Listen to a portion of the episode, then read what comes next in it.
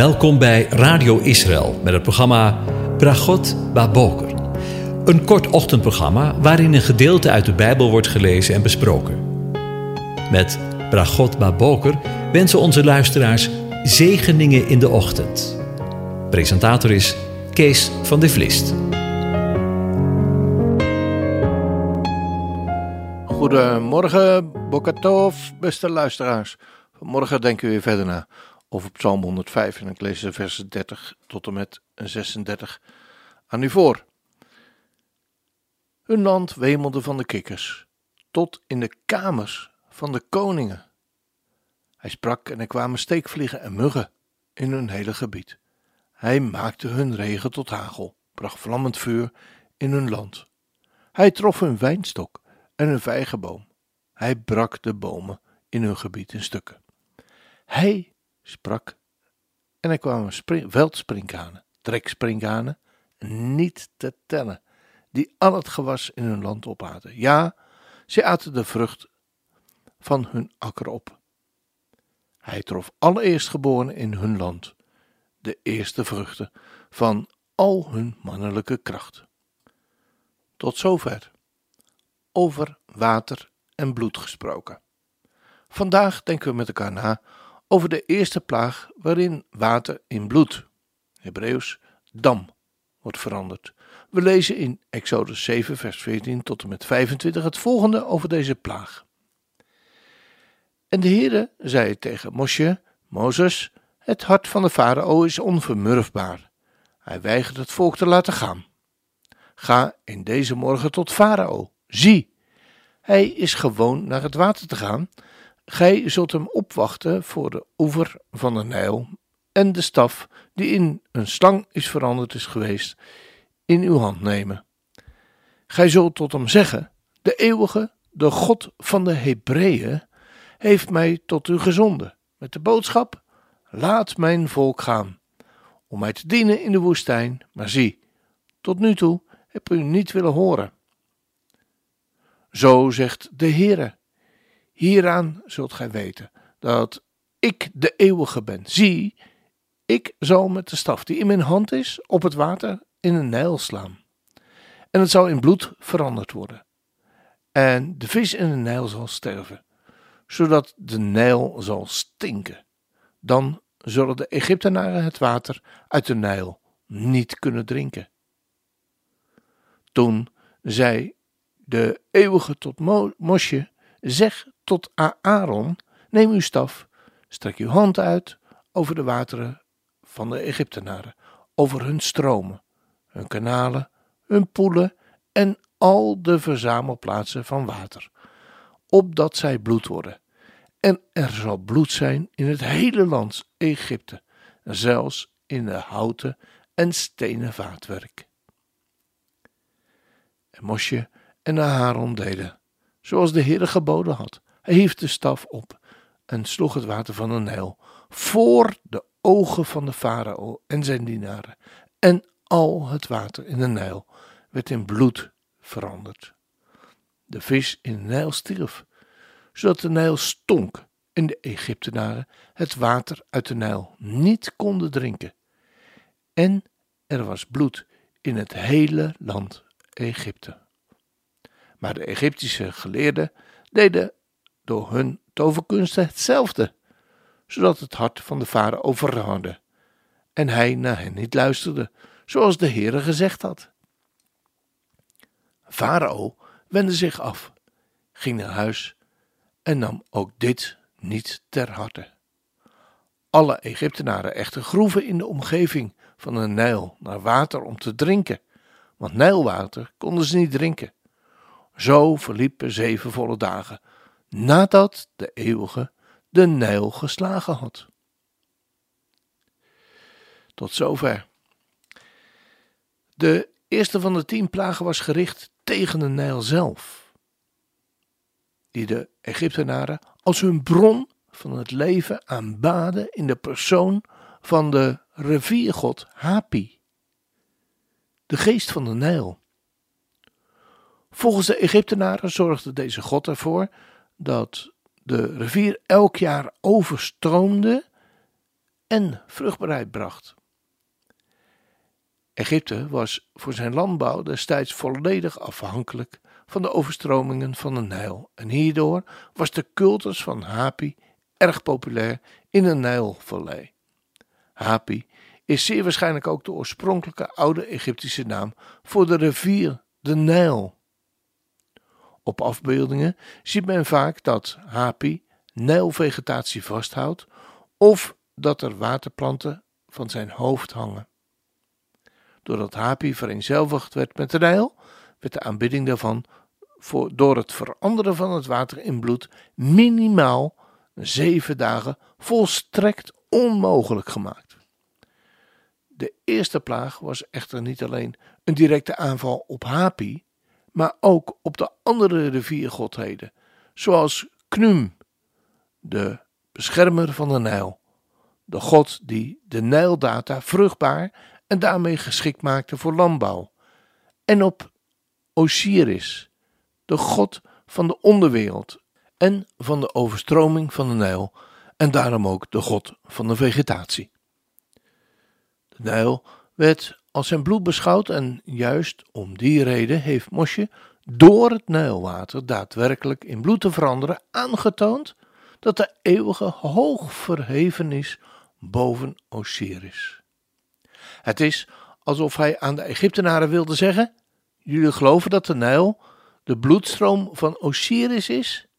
Wel nu, dan kan je het krijgen. Maar nadat het water letterlijk in bloed was veranderd, begon het te stinken en alle vissen gingen dood. Met de bezoedeling van de Nijl maakte Mozes zowel Osiris als ook Hapi en Knoem, zoals objecten van aanbidding, belachelijk en beschaamd, omdat zij niet bij machten waren het te veranderen in bloed ongedaan te maken. De Egyptische magiërs waren weliswaar met hun toverkunsten in staat om eveneens water in bloed te veranderen, maar niet andersom, en daarom gingen de vissen dood. En begon het water van de rivier dermate te stinken dat de Egyptenaren het niet meer konden drinken. Met deze bevuiling van de Nijl werd de autoriteit van de belangrijke Nijlgoden behoorlijk aangetast.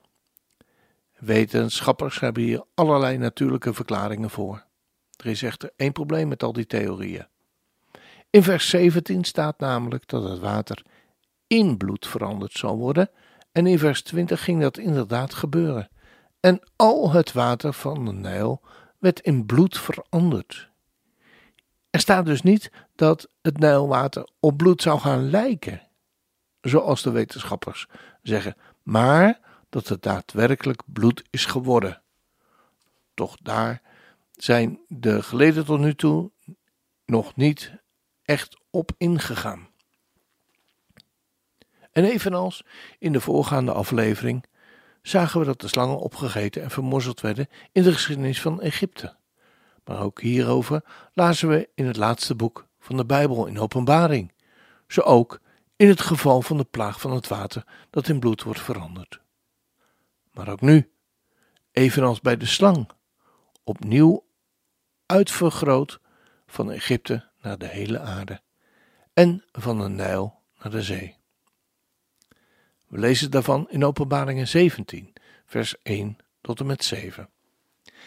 En ik hoorde een luide stem uit de tempel zeggen tegen de zeven engelen: Ga en giet de schalen van de toren van God uit over de aarde. En de eerste ging en goot zijn schaal uit over de aarde. En er kwam een kwaadaardige en schadelijke zweer bij de mensen die het merkteken van het beest hadden en die zijn beeld aanbaanden. En de tweede engel goot zijn schaal uit in de zee. En die werd bloed, als van een dode. En elk levend wezen in de zee stierf. En de derde engel goot zijn schaal uit in de rivieren en de waterbronnen. En het water werd bloed. En ik hoorde de engel van de wateren zeggen: U bent rechtvaardig, Heer, die is en die was en die zal zijn, dat u dit oordeel geveld hebt. Aangezien zij het bloed van de heiligen en van de profeten vergoten hebben, hebt u hun ook bloed te drinken gegeven, want zij verdienen het. En ik hoorde een ander bij het altaar vandaan zeggen: Heere, Almachtige God, al uw oordelen zijn waarachtig en rechtvaardig. Inderdaad, te midden van al deze verschrikkingen en verschrikkelijke plagen, toen en in de nabije toekomst, weten we dat de Heere, JHWH, de aanwezige, de eeuwige, een almachtig, waarachtig en rechtvaardig God is. Zoals we ook lezen en lazen in Openbaringen 17, vers 7.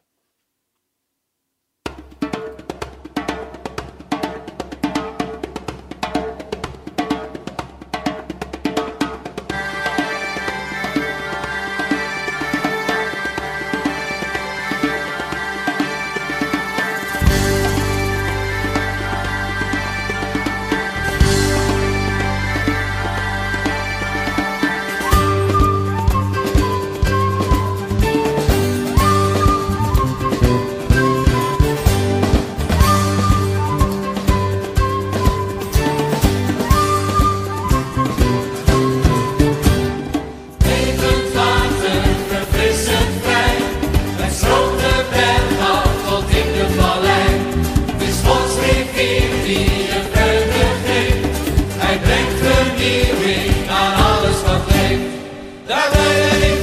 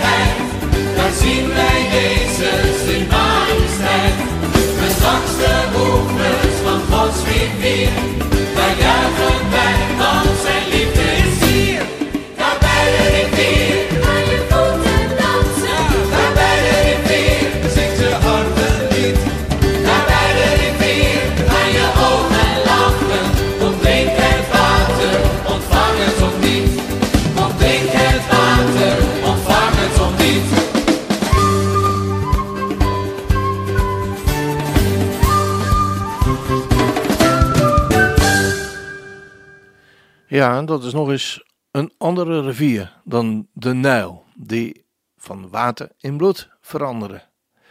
Laten we drinken uit deze bron, die nooit, maar ook nooit op zal drogen.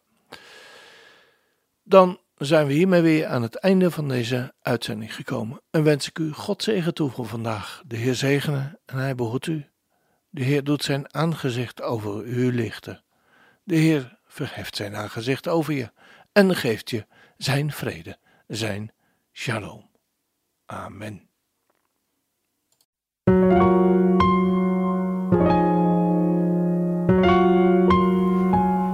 U hebt geluisterd naar het programma Bragot Baboker. Een kort ochtendprogramma waarin een gedeelte uit de Bijbel wordt gelezen en besproken. Wilt u het programma nog eens naluisteren, dan kan dat. Ga naar radioisrael.nl en klik onder het kopje radio op Uitzending gemist.